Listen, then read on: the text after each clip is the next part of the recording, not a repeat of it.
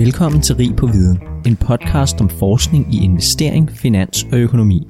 Mit navn er André Thormand. I dagens episode af Rig på Viden skal vi udforske, om Warren Buffett eller Ray Dalio har ret. Warren Buffett siger, Diversification is protection against ignorance. It makes little sense if you know what you're doing. Og Ray Dalio, han siger, Diversification is the most important investment decision. Det her det skal vi tale meget mere om i dagens episode af Rig på Viden med Senior Director og porteføljemanager i ATP, Kasper Lund Jensen, som i øvrigt også er postdoc på CBS og har undervist på Oxford. Tusind tak, fordi du vil være med igen, Kasper. Det er en fornøjelse. Kan du ikke bare til dem, der ikke har hørt dig før, starte med lige at præsentere dig selv? Jo, øh, mit navn er Kasper Lund Jensen. Jeg er Senior Director og porteføljeforvalter i ATP. Derudover er jeg også øh, tilknyttet CBS, hvor jeg underviser et fag i kvantitative metoder på øh, Finance and Investments overbygningen. Inden jeg arbejdede i ATP, var jeg i Goldman Sachs i London. Først i deres Macro Research division, og sidenhen i Goldman Sachs Asset Management. Øh, uddannelsesmæssigt er jeg uddannet økonom fra Københavns Universitet, øh, men jeg har også øh, taget en kandidatgrad fra London School of Economics og en Ph.D. fra Oxford University. Øh, så jeg har brugt en, en del, del tid på diverse biblioteker og læsesager, øh, læsesaler, øh, for jeg ligesom har nørdet en masse økonomisk teori. Øh, og jeg har altid været sådan fascineret af, hvordan man kan bruge øh, økonomisk øh, data og økonomisk teori, baseret på en masse abstrakt matematik og økonometri, til at, til at løse nogle konk- konkrete problemstillinger, som man ligesom står overfor i, i, den, virkelige, i den virkelige verden. Øh, og i dag der skal vi jo snakke om porteføljediversifikation, øh, som er jo et koncept, som rent er født i den akademiske verden, men som i, i dag bliver, bliver anvendt i meget høj grad ude i den virkelige verden øh, hos øh, alverdens porteføljeforvaltere. Og hvordan arbejder du med, med, med det? Nu nævner du det selv, diversifikation. Hvordan, hvordan har du beskæftiget dig med det i, igennem din karriere? Øh, jo, men altså både i min tid, da jeg var i Goldman Sachs Asset Management, der sad jeg i en multi-asset fond, hvor der var meget fokus på, hvordan man ligesom kan, kan sammensætte en, en portefølje af forskellige aktieklasser til at, til at skabe en, en, en højt risiko afkast ved blandt andet at bruge diversifikation. Øh, og min nuværende rolle i ATP, der arbejder vi også meget med diversifikation i, i det daglige. Og hvordan, hvordan, øh, hvordan det er i din nuværende rolle? Hvad er det, du sidder med, bare det for at være sikker? Jamen, jeg sidder dels på øh, aktier i emerging markets. Øh, det er et område, som, hvor det er super vigtigt at diversificere, fordi der er så store idiosynkratiske risici. Du kan sige, øh, det der skete i Rusland er et konkret eksempel på det. Øh, og derudover øh, sidder jeg også med nogle øh, systematiske og datadrevne øh, alternativ risikopræmie-strategier, som ligesom har til formål at diversificere vores øh, tre store beta-porteføljer, øh, aktier, renter og øh, inflation. Perfekt. Men så tænker jeg, at du, du har talt godt varmt til, at, øh, at vi dykker ned i, i det her virkelig øh, vigtige emne i virkeligheden, diversifikation, øh, som, som det jo er for, for alle, der arbejder med, med kapitalforvaltning. Hvis vi bare starter helt fra bunden, Kasper, hvad er diversifikation? Jo, øh, altså diversifikation det er, når du som investor ikke investerer alle dine sparepenge i en enkelt aktie, men spreder dem ud over flere forskellige aktiver. Øh, man kan også sige, at man spreder sin risiko ud over flere aktiver, og derfor så kan diversifikation også betegnes som risikospredning. Øh, hvorfor så gør det, kan man sige? Øh, det primære formål, eller primære gevinst ved at diversificere, det er, at du reducerer din øh, porteføljerisiko ved at diversificere. Øh, og det er som, som udgangspunkt øh, attraktivt. Ikke? Og, og hvad, hvad, hvad for nogle, hvad kan man sige, hvis vi bliver sådan konkrete, hvad for nogle typer øh, aktiver findes der til at, at, at diversificere, eller hvad, hvad for nogle typer øh, metodikker findes der til at, at diversificere? Vi har lidt forskellige sådan, øh, man kan jo diversificere på forskellige måder, og man kan jo i virkeligheden altså, købe alt i verden, så er man jo totalt diversificeret, ikke? Jo. tænker jeg, hvis man sådan ligevægter det. Øh, men, øh, men sådan, hvis man arbejder med det professionelt, hvad for nogle, hvad for nogle typer øh, metodikker har man så? Ja, altså man kan tænke helt, helt grundlæggende, ikke? så to aktiver, som er meget forskellige, de vil diversificere hinanden godt. Ikke? Øh, men man kan så være forskellige på mange forskellige måder. Og hvis man ser på for eksempel inden for sådan aktieuniverset, der kan man være forskellig ved at være tilhøre to forskellige sektorer, eller ved at være eksponeret over for forskellige lande. Øh, og hvis du for eksempel øh, tænker på øh, øh, et, et, et eksempel kunne være, at du er øh, investerer i EasyJet, som primært opererer i Europa, eller du investerer i øh, det amerikanske Delta Airlines, som primært opererer i USA. De er jo så ret godt diversificeret på den måde, at de ligesom har en fors- fors- forskellig geografisk eksponering, og derfor så hvis øh, altså, den amerikanske økonomi, det tænkte eksempel, den amerikanske økonomi går en dyb recession, uden det påvirker Europa, så vil det kun primært ramme Delta Airlines, mens EasyJet vil være upåvirket. Mm. Øh, til gengæld er de jo så tilhørt i samme sektor, og øh, hvis nu vil sige, vi går tilbage i 2020, og hvor covid øh, rammer verden, og det betyder, at, at øh, man ligesom nedlukker økonomierne, og fly, flydriften dybest set stopper fra den ene dag til den anden, så er det klart, at, at både øh, EasyJet og Delta Airlines bliver, bliver ramt øh, rigtig, rigtig hårdt af det. Ikke? Så det her, man kan sige, de to virksomheder er ikke diversificeret sådan i forhold til på sektorniveau. Øh, et andet eksempel kunne være øh, den, øh, det russiske gasselskab Gazprom og den russiske bank øh, Spirbank, som er to vidt forskellige sektorer, og derfor kan man sige, at de er diversificeret på, på den dimension. Øh, men omvendt så er de begge to eksponeret over for, øh, øh, for det russiske øh, marked i høj grad, og i, efter at, at Putin invaderede øh, Ukraine, øh, blev, blev begge selskaber ramt utrolig hårdt af det. Ikke? Så man kan sige, øh, hvis man vil have to virksomheder, som er godt diviseret i forhold til hinanden, så skal de gerne være i to forskellige sektorer, og gerne have sådan en primær del af deres øh, omsætning eksponeret mod forskellige geografiske områder. Ikke? Mm. Så man kan sige, det er noget sektordivision og noget regional øh, diversifikation. Og det her, det er jo alle sammen aktier, du nævner her. Og hvad med, hvad med sådan aktiv klasse diversifikation? Øh, kan det også noget, eller hvordan? Ja, det kan det bestemt godt. Altså, øh, i virkeligheden er det måske der, hvor man kan øh, få en, en endnu højere grad af divisionsgevinst ved ikke kun at investere i aktier, men også at, ligesom at begynde at investere i andre aktivklasser, øh, såsom obligationer, som jo er super hot disse dage. Øh, men der kan også være andre øh, øh, områder, som eksempelvis øh, inflationsinstrumenter, såsom råvarer, swaps eller break-even som også kan diversificere en, øh, en, en aktieportefølje. Og, øh, og man kan sige, hvis man sådan diversificerer over aktivklasser, så diversificerer man i virkeligheden over øh, macrostates eller over makromiljøer. Og øh, så hvis du tænker på for eksempel, hvis øh, økonomien, global økonomi bliver ramt af en stor recession, øh, det er jo noget, som vil ramme din aktieportefølje rigtig, rigtig hårdt, mm. fordi at, at indtjeningen øh, vil, vil, ja, vil, vil, vil gå ned. Den ligesom følger de makroøkonomiske konjunkturer. Men der er det rigtig godt at have en, en, en obligationsportefølje, fordi at centralbankerne som udgangspunkt vil læne sig op af sådan negativ vækstet ved at sænke renterne, og der så hvis du bliver ramt af recession, så det gør, at du tjene en masse, tabe en masse penge på din aktieportefølje. Mm. Til gengæld vil du tjene øh, en masse penge i, på din renteportefølje. Og øh, ja, og omvendt, øh, hvis du bliver ramt af et inflationschok, som man så her i 21-22, øh, der vil obligationer formentlig ikke være særlig god diversifikator, fordi at centralbankernes primære rolle, altså de er jo sat i verden for ligesom at sikre, at man har øh, prisstabilitet, Øh, og derfor så, hvis du bliver ramt af en inflationschok, vil du typisk få, at de strammer pengepolitikken, og det var også det, vi så. Og derfor vil du tage penge på øh, din obligationsportefølje. Ja, øh, men i forhold til sådan inflation, der øh, vil obligationer formentlig ikke være en god diversifier, fordi at centralbankernes primære rolle er jo at skabe prisstabilitet. Derfor, så hvis du bliver ramt af et højt, stort inflationsstød, så vil centralbankerne som udgangspunkt stramme pengepolitikken, og det vil skade din, din øh, obligationportefølje.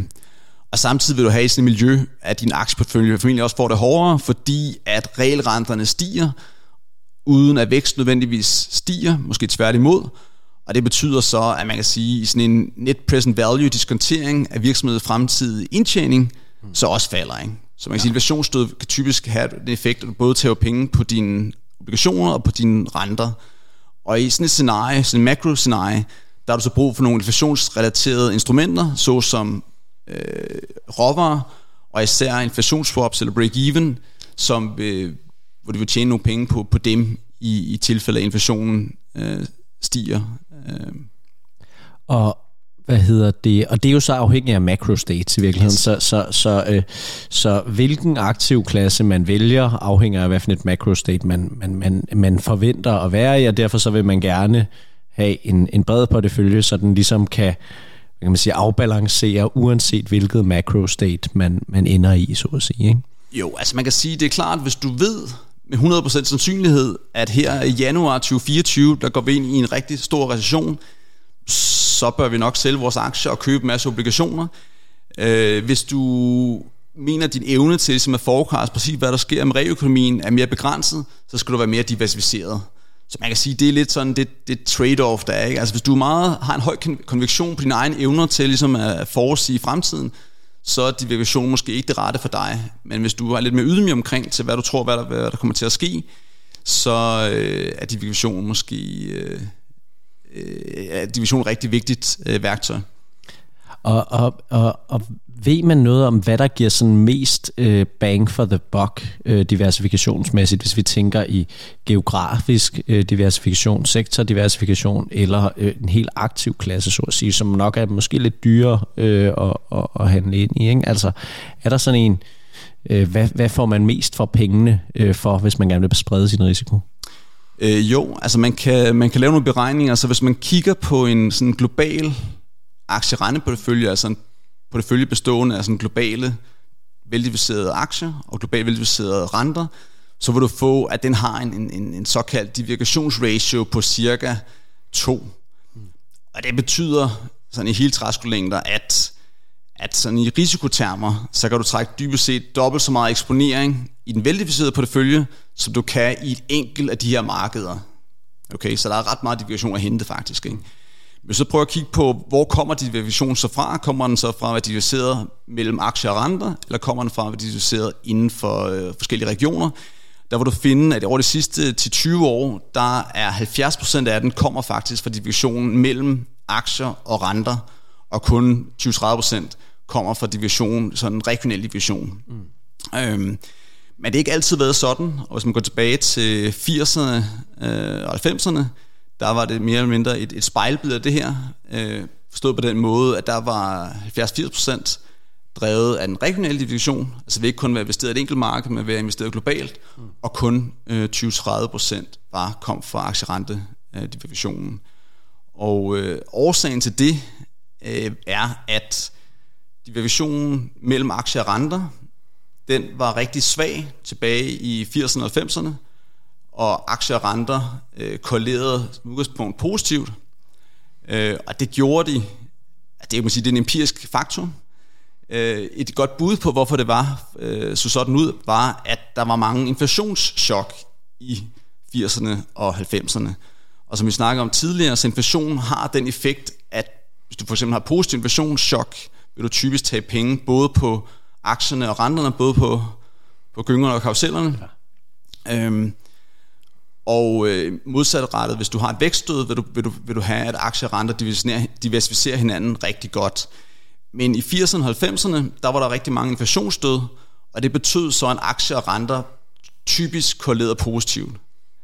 Det, der så sker, det er omkring årtusindskiftet, hvor de vestlige centralbanker har rigtig styr på inflationen, efter de får indført øh, prisstabilitet, og at vi er indtil for nyligt har vi jo kun set meget, meget få øh, inflationsstød.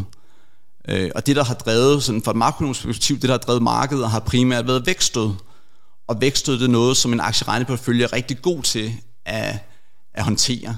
Og det er derfor, vi har set, at mens aktierentekorrelationen var positiv i 80'erne og 90'erne, så har den været negativ øh, de sidste 20 år indtil, indtil her for nylig her, efter inflationen kom, kom tilbage. Så man kan sige, at øh, grunden til, at der er mest af værdien i, øh, kommer fra aktierentekorrelationen, det er simpelthen fordi, at aktierenter er begyndt at korrelere negativt øh, de sidste 20 år. Ja. Omvendt så har der så også været det, at inden for den regionale diversifikation, den var også noget stærkere tilbage i 80'erne og 90'erne, end den har været de sidste de 20 år. Øh, og det igen, det er sådan, kunne sige, det er et empirisk faktor. Årsagen af det øh, skyldes blandt andet, at vi har haft en, en relativt høj grad af globalisering, ikke? Øh, og øget sammenhæng mellem øh, de forskellige lande. Og det betyder jo så, at, at hvis det går lad os sige, dårligt i, i USA, USA handler med en masse andre lande, så vil det typisk øh, have en afledt effekt på, på andre landes øh, realøkonomi. Og derfor så øh, kan man sige, selvom man ligesom har en virksomhed, som man kan sælge med eksponering i USA, så vil den blive ramt alligevel, fordi USA's recession så vil have en negativ afledt effekt på de lande, hvor virksomheden så handler i. Og det har så betydet, at hvad sige, korrelationen øh, mellem aktiemarkedet er blevet mere korreleret over tid. Øh, det skyldes formentlig også ting, øh, at, at det er blevet mere, øh, sige, både de amerikanske investorer og de europæiske investorer har en meget mere global portefølje, ikke? således at amerikanske investorer ejer europæiske aktiver, og europæiske investorer ejer amerikanske aktiver, hvilket formentlig også har bidraget til, at, at øh, altså, globale aktiemarked, globale rentemarked begynder at blive mere korreleret over tid. Ja. Ikke? Øhm, så, så kort fortalt, så kan man sige, i 80'erne, der var regional diversifikation, det var der, der var mest diversifikation at hente. Ja. Men i dag, der er det faktisk øh, primært divisioner og aktivklasser, som, øh, hvor der ligesom er de største, den største kilde til division, kan du sige. Det er jo lidt interessant, ikke? også fordi vi kommer lige ud af en tid, hvor at, at inflationen har været øh, stigende, og nu, nu begynder den så at, at falde igen. Ikke? Men, men har man ligesom vendet sig til et øh, paradigme, hvor at, øh, hvad kan man sige, øh, aktivklasse diversifikationen virkede, og så den skal jo i virkeligheden være all weather, ikke? så den skal jo virke også, når, når paradigmerne skifter, men så når paradigmet så begynder at skifte, så skal man til at lægge om, og det når man så ikke, og så får man smæk alligevel, og har ikke diversificeret nok. Er det sådan en, en færre udlægning? Øh, altså man kan sige, at hvis man kun har aktier og renter i sin portefølje, og at man er helt sikker på, at aktierentekorrelationen er, forbliver negativ, så er man måske, hvad skal man sige, så er man måske taget lidt for meget risiko, kan du sige. Altså det man måske burde have gjort, hvis man simpelthen diversificerede over aktivklasser, det var også at introducere nogle inflationsinstrumenter, såsom råvarer og inflationsswaps. Mm. Og det er jo instrumenter, som måske ikke har et særlig højt sådan forventet afkast, standalone, men som netop vil, vil give dig en, en gevinst i tilfælde, at du bliver ramt af sådan en inflationschok, som, som gjorde her i 21-22. Øh, og man kan så sige, hvis du, så hvis du rigtig vil være diversificeret over macrostates, så kræver det, at du tilfører nogle inflationsaktiver til din aktierente på det følge. Ja, helt klart, helt klart. Men de her råvarer, øh, altså fordi det er, jo, det er jo så en aktiv klasse for sig, det fylder vel typisk ikke særlig meget i sådan en portefølje. Gør det det? Er det ikke sådan meget 60-40 tankegang med nogle renter og nogle aktier, og så er det ligesom øh, det, og så kan det godt være, at, at de der råvarer, de er meget gode i, øh, i sådan 80'er, øh, 80'er scenarie, og, øh, og så, så også i det scenarie, vi sådan lige har stået i, men, men det har ligesom været, man, man har ikke lyst til at have det, fordi det giver for lidt afkast i, i lange perioder på en eller anden måde, og så mister man så beskyttelsen, når man endelig får brug for den? Altså, der er i hvert fald forskellige øh, filosofier og forskellige øh, strategiske allokeringer. Altså, der er jo mange, øh, som har en, en såkaldt 60-40 allokering, som du nævner, ikke? som netop kun investerer, eller investerer 60% i aktier og 40% i obligationer. De er jo i hvert fald rigtig sårbare over for en stigende inflation, hvis slet ikke at have nogle, nogle inflationsinstrumenter i deres portefølje. Øh, men altså, så er der jo så øh, der er multi-asset porteføljer, øh, som er mere sådan en risk parity tankegang, hvor man også har en del inflationsaktiv netop for at beskytte sig mod, øh, mod det her fænomen. Øh, ja. Okay. Hvis man nu er sådan en privat investor, nu taler vi jo meget fra sådan en uh, porteføljemanager ja. side, men, men for en privat investor, er det så, er det så dyrt at, at sprede sin risiko, eller hvordan? Øh, det er jo i virkeligheden meget billigt, ikke? Altså, så hvis man snakker inden for aktier, og vi snakker om det her sektordiversifikation og regional diversifikation, så øh, kan man jo ved at købe en MSCI Acqui ETF, MSCI All Country World Index, der får du i virkeligheden eksponering for næsten 3.000 virksomheder i 47 forskellige lande. Øh, og det gør du i virkeligheden rigtig, rigtig billigt.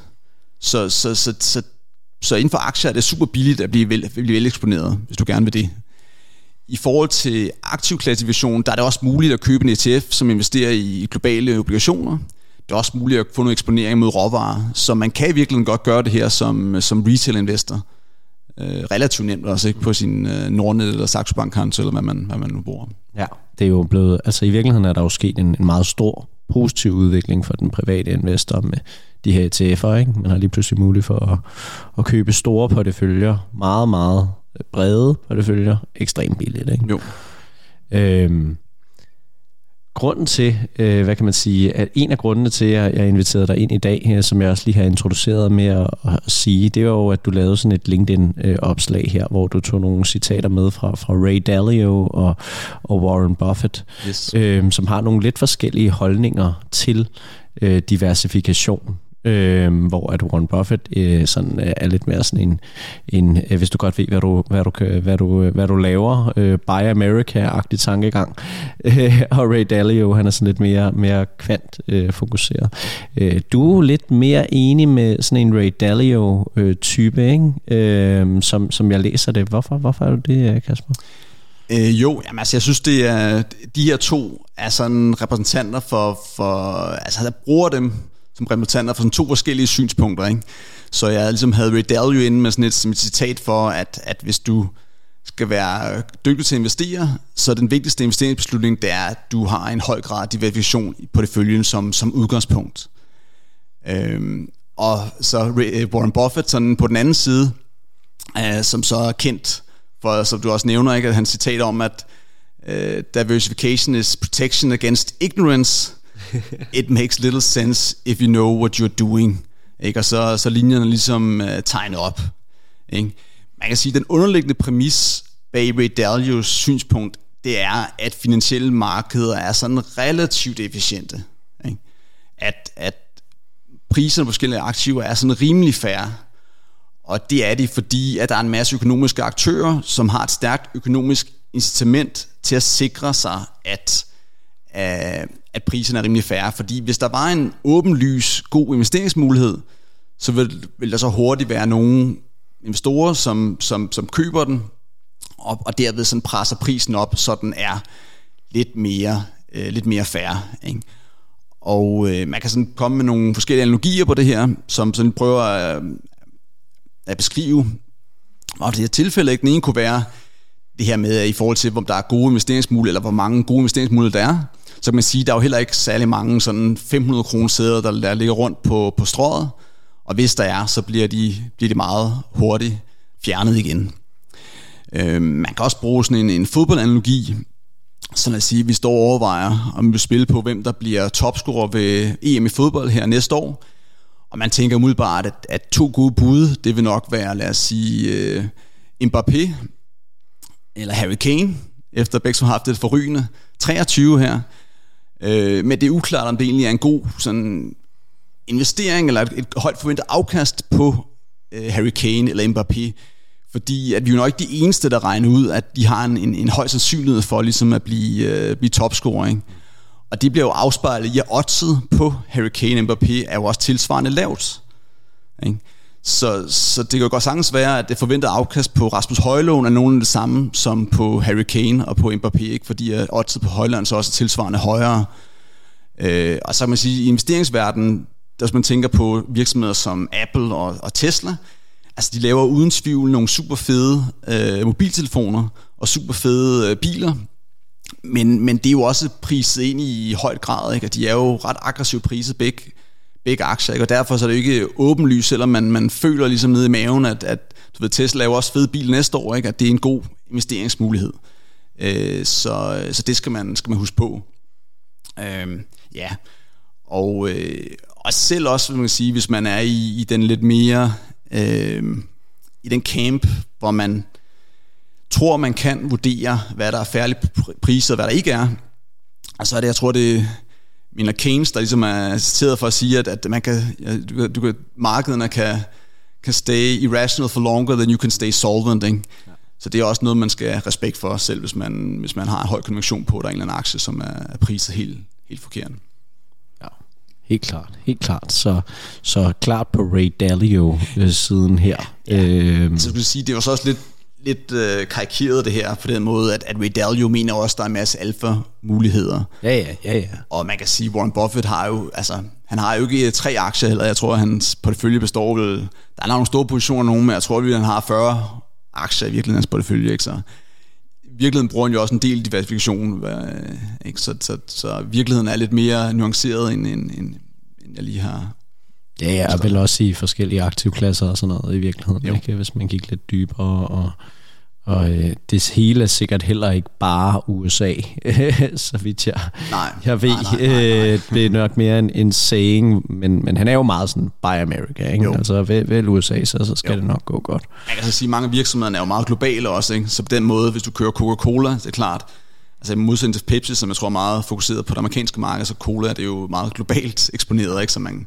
man er virkelig eksponeret mod global vækst, lige så meget i høj grad som amerikansk vækst ved, øh men skal man tænke, altså skal man, skal man, det er jo vel i virkeligheden en vigtig øh, pointe, ikke? Altså at den her geografiske diversifikation lidt mindre vigtig, så at sige, øh, i, i dag, end den var for hvad ved jeg, 30 år siden, fordi at virksomheder i langt højere grad er blevet globale alligevel. Så, så derfor, uanset om du køber en virksomhed, der ligger i Danmark eller i USA, så ser vi ser, at de stadig et globalt marked, og derfor er de i diversificeret øh, alligevel. Jo, altså som sagt, altså værdien af at diversificere regionalt er markant lavere i dag, end den var i 80'erne. Øh, men der er stadig noget tilbage, når det er sagt, og øh, nu i emerging markets, som jeg, som jeg er involveret i, er det især vigtigt. Så man kan sige, at diversionsgevinsten i developed markets er relativt begrænset, men i emerging markets, der er det super vigtigt. Og det er det fordi, at der er sådan store øh, idiosynkratiske tail risks, som kan materialisere sig. Ikke? Øh, så det kunne være en eller anden valutakrise nede i Tyrkiet, eller det kunne være øh, det, der skete i Rusland, øh, efter Putin valgte at rykke ind i Ukraine, som vi har nævnt allerede. Ikke? Ja der er det, der er det, der, der er det ikke ligegyldigt, om man lige var investeret i Brasilien eller Rusland, ikke? fordi der, altså, de, de, fordi de regionale, de regionale divisioner er så høje, ikke? Der, er det, der er det ret afgørende, at man ligesom uh, har spredt sit risiko ud over mange forskellige emerging markets. Ja. Vi kan jo godt lige her i, i podcasten at tale om sådan akademisk øh, viden inden for feltet. Hvad, hvad siger litteraturen omkring diversifikation? Jo, altså man kan sige, øh, i forhold til, hvad der er op og ned, ikke? altså i forhold til risikoen, så er det næsten sådan en matematisk sandhed, at risikoen som udgangspunkt falder, hvis du diversificerer mere. Ikke? Det betyder jo så ikke, at man får en højere forventet afkast, eller en forventet bedre på det følge sådan set, men, men på risikosiden, der er det ret sådan entydigt, at diversifikation betyder, at du får en lavere risiko. Øhm, hvis man så går tilbage til øh, Nobelprisvinderen Harry Markowitz arbejde omkring sådan noget variance-analyse, og som dybest set er lidt en guide til, hvordan man bør opføre sig som investor. Øh, han snakker jo dybest set om, at man skal diversificere efficient. Ikke? Så det, han siger ikke, at man skal diversificere så meget, som du kan, men relativt til sådan et afkast, du får ud af det, skal du så prøve at at få den maksimale diversifikation, således at du kan få det højst risikosterede afkast. Ikke? Øh, og så det er jo så det, der bliver implikationen i senere arbejde med KBM. Implikationen bliver så, at alle bør holde markedsporteføljen, men så i forskellige, øh, afhængig af din risikopræference, så i forskellige gearingsniveauer. Så hvis du har en, en høj risikoversion, skal du så øh, ikke have særlig høj gearing, om hvis du har en, en lav risikoversion, skal du så geare en, en veldiversificeret markedsportefølje. Øh, så man kan sige, helt lige siden god gamle KBM, der har anbefalingen for akademia var, vil været, at, at du skulle anvende diversifikation i, i et eller andet i omfang. Mm. Øh, så siden KBM er der jo sket meget i den akademiske litteratur, øh, blandt andet, øh, der er alt det her Pharma Friends faktorer, og den her øh, arbejde på, på faktorstrategier på, der er en, en eller anden form for øh, predictability i cross-section af, af virksomheder. Øh, som man kan sige afviger fra det her. Ikke? Øh, men altså sådan udgangspunktet med, med CAPEMIC, det er jo, at du diversificerer, øh, således at du får det højeste risikosterede øh, afkast. Og det har vel ikke, altså selvom der er kommet en ny øh, tilgang, altså at der er flere betaer i virkeligheden i, ja. i Pharma French, end, end der er i KBM, bare med et beta, ikke? Så, så er der vel ikke noget, der udfordrer tankegangen om diversifikation akademisk. Er der det, eller... Altså man kan sige, kom, kom tilbage til, altså man kan jo godt bruge et simpelt mean variance framework også, ikke? Altså på den måde, at, at det kommer igen tilbage på, hvis du, hvis du vurderer, at der er rigtig højt forventet afkast i en eller anden virksomhed, og måske ikke særlig høj risiko, ikke? så kan det godt være en god idé at være meget koncentreret omkring den virksomhed. Ja. Ikke? Øh, men altså, øh, det, det, man kan så nok stille spørgsmålstegn ved, om man om, om, om det så også er rigtigt, at det kan være, du har en høj conviction, at det så giver mening for dig, men, men man skal nok stille spørgsmålstegn ved, om det, øh, om, om man kan, kan, kan gøre det i, i, over lang tid og, og mange gange. Ikke? Ja, fordi det kommer vel op i, eller det kommer vel tilbage til sådan en diskussion omkring spekulation og, og investering i virkeligheden. Altså, du, du kan jo godt have en høj conviction, og så bare købe én aktie, jo. men risikoen er bare øh, meget, meget høj øh, hvor at du jo ved at, at sprede og sprede og sprede, det er vel det, der er hele pointen, øh, det matematiske fangtop, som du siger, kan få et højere afkast til en, en lavere øh, risiko i, i ratio. Ikke? Øhm, og så, øh, hvad hedder det, det man så kan gøre, er jo så bare at geare op, ikke? Øh, som, som du måske også lige kan, kan fortælle. Altså, hvad, hvis, hvis man nu, fordi vi talte også lidt om det her inden, øh, kan jeg godt afsløre, altså man kan jo ikke spise et risikojusteret afkast, siger man jo ikke. Altså, hvilket jo bare vil sige, at, at det kan godt være, at du har et højt risikojusteret afkast, men det, godt, det betyder ikke, at du får mange penge i hånd. Øh, men, men, men hvad kan man så gøre øh, i, i stedet for? Jo. Jo, præcis. Altså hvis man skulle tage et simpelt eksempel, ikke? man kan sige, at man, man er investor, står over for at skulle investere i Novo Nordisk eller i Netflix. Man vurderer, at det forventede afkast er det samme i de to virks- selskaber. Man forventer, at risikoen er nogenlunde den samme. Og hvis det ligesom er præmissen, så er det klart at foretrække at, at skabe en, en, en diversificeret portefølje bestående af begge selskaber. Fordi at den portefølje vil have det samme forventede afkast, som det bare investere i Novo eller i Netflix, men ved en, en, en lavere risiko. Ikke? Øh, og derfor så har den portefølje et højere risikostødt afkast, og derfor at, at det er et mere attraktiv investering, igen under de her øh, præmisser, som jeg beskrevet. Man kan så sige, som nævner, at, at, at kan, man, kan man spise et, et højt risikostødt afkast, kan man spise en høj sharp ratio? Øh, nej, det kan man ikke. Man kan også sige, at risikoreduktion, det er måske ikke øh, så sexet, hvis man er en ung, ambitiøs CBS-studerende. Der skal man have en masse risiko ud over motorvejen. Øh, Øh, og så, så hvis, man skal, hvis man skal omsætte den her divisionsgevinst til, til, nogle, til nogle højere afkast noget mere risiko, så er man simpelthen nødt til at geare på det følgen. Øh, så det man kan gøre, det er, så man i stedet for at købe Novo eller Netflix, så køber man en diversificeret portefølje, som man så giver op, indtil den har øh, den samme risiko som enten Novo eller, eller Netflix, øh, men så har et, et, et højere forventet afkast til, til samme risiko. Så her kan man sige, at man anvender gearing til ligesom at at prøve at spise en, et, et højt risikostørre afkast eller en høj øh, sharp ratio. Og bliver det så dyrt, eller hvordan, altså proportionelt med dyrere end, end den, man sige, den, den, den mindre risiko, man, øh, man, man får? Altså man kan sige, at hvis man tænker på som et forventet merafkast, som altså det forventede afkast på Novo og Netflix over den risikofri rente, så øh, er der egentlig taget højde for det.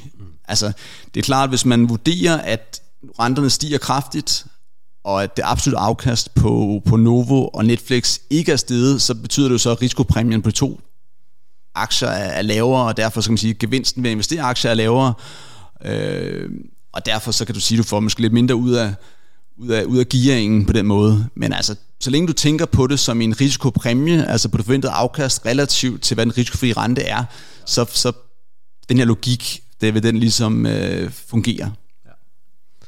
Findes der nogle sådan myter, vi skal, vi skal boste inden for det her, øh, den her verden omkring diversifikation? Øhm, jamen altså, der er en, der er en, en dyvprofessor, Cam Harvey, som så snakker lidt om, øh, om guld, ja. og om øh, hvorvidt sådan guld er en god diversifier af inflation. Ikke? Og øh, hvis man simpelthen ser på, øh, på guld relativt til sådan realiseret inflation, altså hvordan guld har performet relativt realiseret, øh, realiseret øh, inflation, så på, på alle mulige forskellige investeringshorisonter, 1, 5, 10 år, så er der en meget, meget svag sammenhæng. Mm. Ikke? Så der er ikke særlig meget evidens, sådan empirisk evidens for, at guld ligesom skulle være et godt inflationsaktiv. Øh, og det var også præcis det, vi har set her i 21-22, at guld faktisk ikke har performet selvom godt, særlig godt, selvom vi har vi ramt det her rigtig store uh, inflationsstød. Uh, ja. Og er der, nogen, er der nogen andre også, fordi jeg synes, guld er rigtig god, ikke? Men, men det virker også som om, der, der er sådan illikvide aktivklasser, øh, for eksempel, som viser sig at være meget rentefølsomme, eksempelvis, selvom man først ser det øh, et stykke tid efter. Altså, kan der være noget der, som, som i virkeligheden ikke har den diversifikationseffekt, øh, som man, man, man går og håber på, når man køber ind i det? Altså, nu er jeg jo selv øh, fokuseret på, på likvide markeder. Ikke? Øh, der er jo mange, der gerne vil sælge illikvide aktiver, som, som fokuserer på, at altså på kort horisont, så virker det til, at illikvid det er ligesom det er ukorreleret til vækst og renter og inflation og det hele. Altså, øh, jeg tror, hvis du laver beregninger over længere horisonter, så vil du finde, at der også er noget renteeksponering, der er noget væksteksponering, der er inflationseksponering i likvide aktiver også. Ikke? Så, så jeg tror ikke helt, man slipper ud af det. Altså man kan sige, hvis du har en, en, en, en ejendom, øhm, som hvor, hvor man sige, lejeindtægterne er inflationsindekseret, så minder det lidt om, måske lidt om en, en, øh, en tips, altså en inflationsindekseret obligation, ikke? Så på den måde kan der, kan der være noget der, ikke? men altså, jeg tror ikke, man skal lade sig snyde af, at, at illikvide aktiver ligesom ikke bliver øh, priset øh, særlig sådan frekvent, og derfor så som bare kigge på en kort horisont, vil det ligne, at det ligesom er beskyttet mod inflation og alverdens makrochok. Ja, fordi at, altså, pointen er jo så set bare, at den måde, vi måler øh, volatilitet på, eller risiko, det er på, på prisudsving, ikke? Og, og hvis man så ikke justerer priserne, så er der jo naturligt en, en meget lav øh, risiko eller volatilitet. Jo. Og så får man lige pludselig meget høj sharp, sharp ratio. Men det betyder jo ikke, at prisen er rigtig, Nej. Det kan man sige. Øh, nogle gange bestemmer de jo også lidt selv priserne og sådan noget. Ikke? Øh, det er jo så, hvad det er.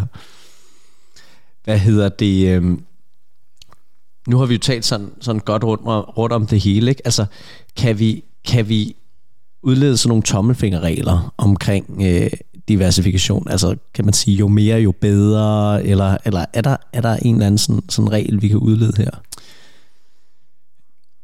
Altså man kan sige, i forhold til risikoreduktionen, så er jo mere, jo, jo bedre.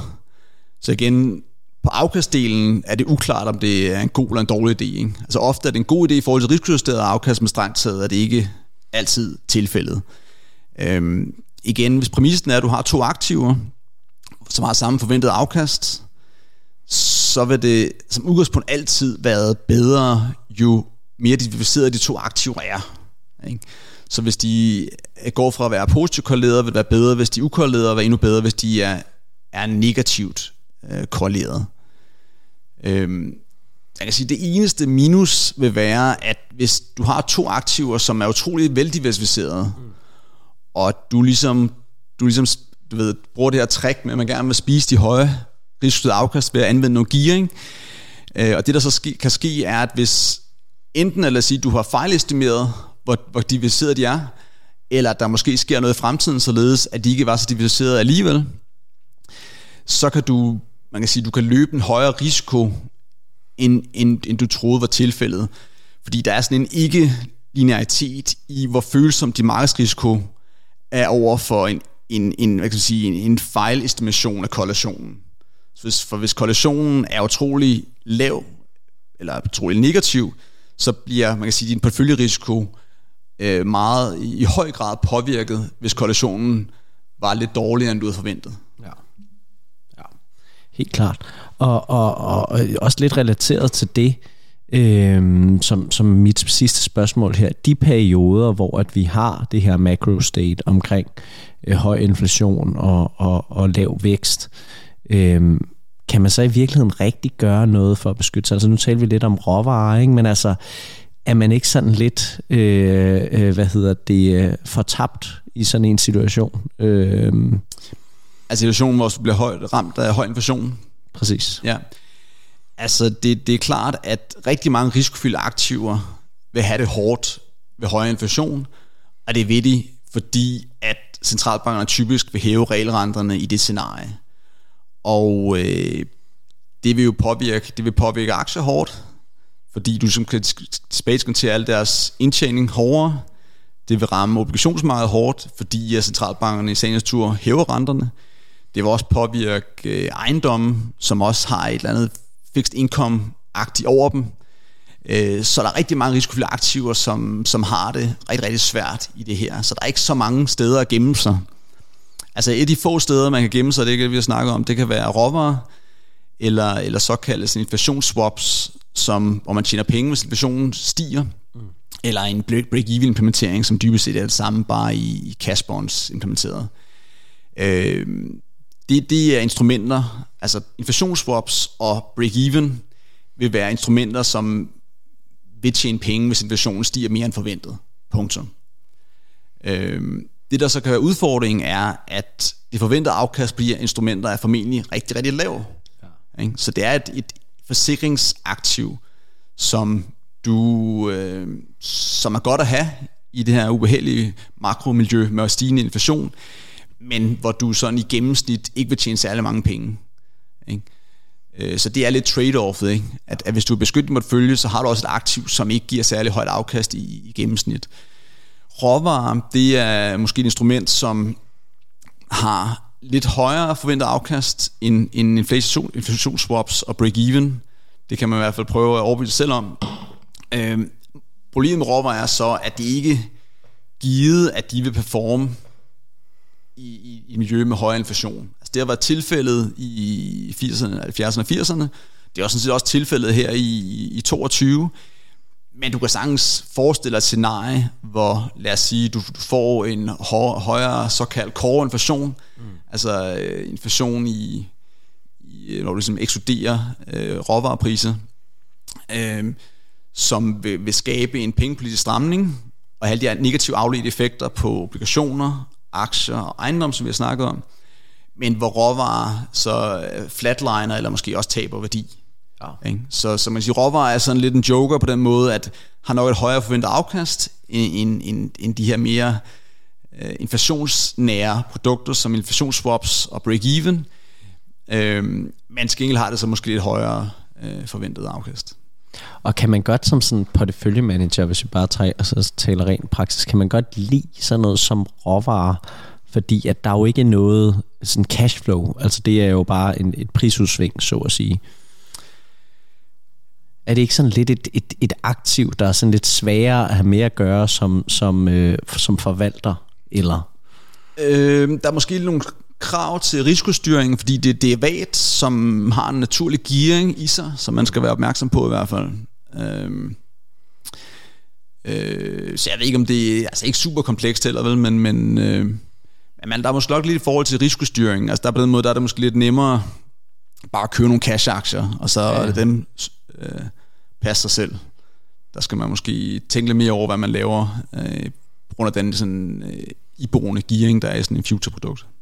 Jamen jeg tænker også, det kunne godt være, at, at, at sådan, øh, nu prøver jeg bare at tænke, hvordan en, en porteføljemanager tænker, ikke? Altså, at man kan godt lide nogle af de her sådan aktiver. Man kender, øh, hvad hedder det, obligationer og aktier og sådan noget, fordi der ligesom er nogle penge, der bliver tjent inden bagved en virksomhed, der drifter, eller nogle renter, du får udbetalt og sådan nogle ting.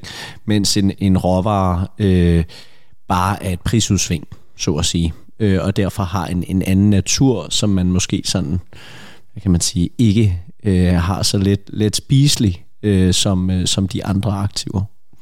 Eller det er måske ikke noget problem? Øh, altså man kan sige, det er i hvert fald man kan sige, det er i hvert fald nogle andre faktorer, som driver prisen på mange af de råvarer end, end øh, altså man kan sige sådan noget som agriculture, priser på, på korn og så videre. Ikke? Altså det, det er jo drevet delvis af, hvordan sådan vejret er og, øh, i forhold til den høsten. Ikke? Og det er i hvert fald sådan, i forhold til obligationer, ret fint, ikke? fordi at, at vejret har normalt ikke særlig stor indvirkning på, hvordan obligationer og aktier klarer sig. Så på den måde er det i hvert fald en, en, en, en sådan, natur en anden form for øh, afkaststrøm, man ligesom introducerer i sin, sin portefølje. Men hvis, hvis øh, hvad hedder det, økonomien øh, rigtig går i hak, Øh, altså, øh, hvad hedder det, øh, hvis, hvis øh, arbejdsløsheden stiger, og vi forbruger mindre osv., osv., så vil priserne på råvarer vel også falde. Jamen, altså, der, der er helt klart også et noget vækstbeta i, i råvarer, ja. som man skal være opmærksom på. Ikke? Øh, så det er, ikke, det er jo ikke helt ukorreleret til, til traditionelle aktivklasser på den måde. Øh, det er også værd, værd, man skal også måske tænke lidt over, at, at diversion kan også godt, altså der kan være forskel på diversion, sådan tingene fungerer i gennemsnit, versus hvordan diversion er, når tingene går, går rigtig, rigtig galt mm. ude, ude i halen. Øhm, og, øh, og der kan det godt være, at, at, at råvarer kan have det, altså energi, ja. måske kan have det rigtig svært i sådan et, et stort crash-scenarie, som beskriver her. Øh, hvis man snakker, nu snakker jeg tidligere om sådan regional diversifikation inden for aktier, og, og det er også noget, som typisk gør det lidt bedre i gennemsnit, end ude i halen, hvor, hvor man kan se en tendens til, at, at alle aktiemarkeder som falder simultant, når det går rigtig galt. Ja. Så på den måde kan man sige, at divisionen regionalt er lidt sværere ude i halen, end den er i gennemsnit. Ja.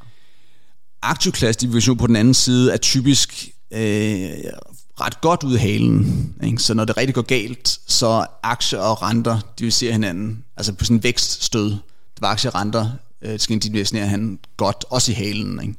Så der er også lidt en forskel på det, at vi snakkede tidligere om, at aktierenter sådan i gennemsnit fungerer bedre end regional division.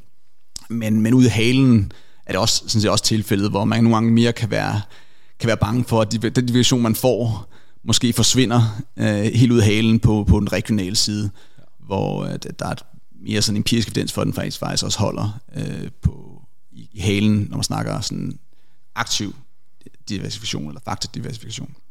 Og det, er jo, det synes jeg faktisk er en lidt interessant ting at, at afslutte med. Altså, når man sidder som porteføljemanager og tænker, uh, undskyld, der kom lige en tusse i halsen, på, på diversifikation, så øh, tænker man så i afdækning i halen, eller i gennemsnittet. Altså fordi halen er bare svær, ikke? Altså sådan Black Swan-agtig event, hvor det hele bare øh, falder, så kan det bare, det kan godt blive meget dyrt at afdække helt indtil halen kommer, ikke? Mens at, at det her i gennemsnit, der kan alligevel blive tjent ret mange penge, hvis man bare har sådan en almindelig diversifikation og holder sig lidt fra de der produkter, der ikke giver noget afkast i lang periode. Jo. Altså jeg tror, at, at det er fornuftigt at tænke over begge ting, vil jeg sige, ikke? Altså det, det er, når du siger, nok ufornuftigt kun at tænke over halediversifikation. Men omvendt, så er det nok også øh, ikke det klogeste. Bare ignorere, altså kun tænke på den gennemsnitlige division, og så ignorere fuldstændig, hvad, hvad der sker i halerne. Ikke? Så altså, jeg tror, det, det, det gode svar er nok, at man, man ligesom prøver at være opmærksom på, på, på begge ting. Ikke? Ja. Øh, og så afhængig af, om du anvender, hvordan du strikker din portefølje sammen, kan der være noget, der er vigtigere end andet. Men altså, men er det ikke meget sådan fristende at komme af med nogle af de der forsikringer i gode perioder? Altså, jeg tænker, der, der er jo helt, man sidder hver dag og overvejer, hvad man skal gøre, ikke? og så sidder man med sådan nogle øh, dele af porteføljen, som ikke giver noget som helst. Øh, det er kun i tilfælde af sådan et øh, øh boble, bubble, et eller andet øh, event, som sker, hvad ved jeg, en gang med 10 år, eller sådan noget der, ikke? Sådan, altså, åh, lad os nu komme af med det. eller altså sidder man ikke sådan og, ah, øh, det fristet til at diversificere mindre i gode tider på en eller anden måde. Jo, men altså jeg tror, det, det kommer lidt tilbage til igen hele sådan grund trade-off, det er ikke mellem, hvad man ligesom, om man ved, hvad der sker, hvad der ikke hvad der sker, ikke? Altså fordi, at hvis man, det er klart, der er jo en tendens til at føle, okay, nu øh, går vi bare all in på Novo her i 24, ikke? fordi det er gået, det gik godt her i 23, ikke? og det gør det også i 24, tror man, ikke? Øh, men altså, man skal nok være, altså der er man jo ikke den eneste, der prøver at outsmart markedet, ikke? Så, men det er nok en god ting at prøve at være, prøve at være lidt mere ydmyg, end man lige sådan ens instinkt vil fortælle dig. Ja. Fordi at, at, at ting kan, kan udvikle sig hurtigt, ikke? Og øh, så det kan godt være, du siger, at der kommer ikke noget inflation i 100 år, vel? hvorfor have inflationsaktiver? Men det gjorde du så alligevel, ikke? Præcis. Øh, så. Det var der måske også mange, der ikke havde i den periode. Det ved jeg ikke. jo, men det var ikke særligt... Altså, det er jo klart, at efter sådan 20 år, inflationen bare er død, ikke? så er det svært at sælge inflationsprodukter. Ikke? Præcis. Ja. Også selvom man ved, at diversifikationen er god, jo. og der er nogen, der er blevet fristet til at komme af med det, ikke? Øh, fordi at det, udsigterne øh, på lang sigt var gunstige, eller hvad man siger. Jo. Har du noget sidste, du vil tilføje her, her Kasper? Nej, jeg synes, vi er kommet meget godt rundt om øh, det her relativt simple emne om porteføljedivision og risikospredning. Øh, men det er, jo, det, er jo, det er jo super vigtigt, og der er i virkeligheden en masse nuancer i det, hvis man sådan begynder at grave sig, grave sig lidt ned i det. Simple, men meget vigtige emne, så at sige. Tusind tak, fordi du vil være med. Det var en fornøjelse. Tak for, at du lyttede med til Rig på Viden. Jeg håber, at du lærte noget, og hvis du nu synes godt om vores podcast, så kan du støtte os ved at følge den på Spotify eller skrive en anbefaling på iTunes. Inde på LinkedIn, der kan du følge André Thormand, Benjamin Somofen eller Henrik Fode Rasmussen. På genhør.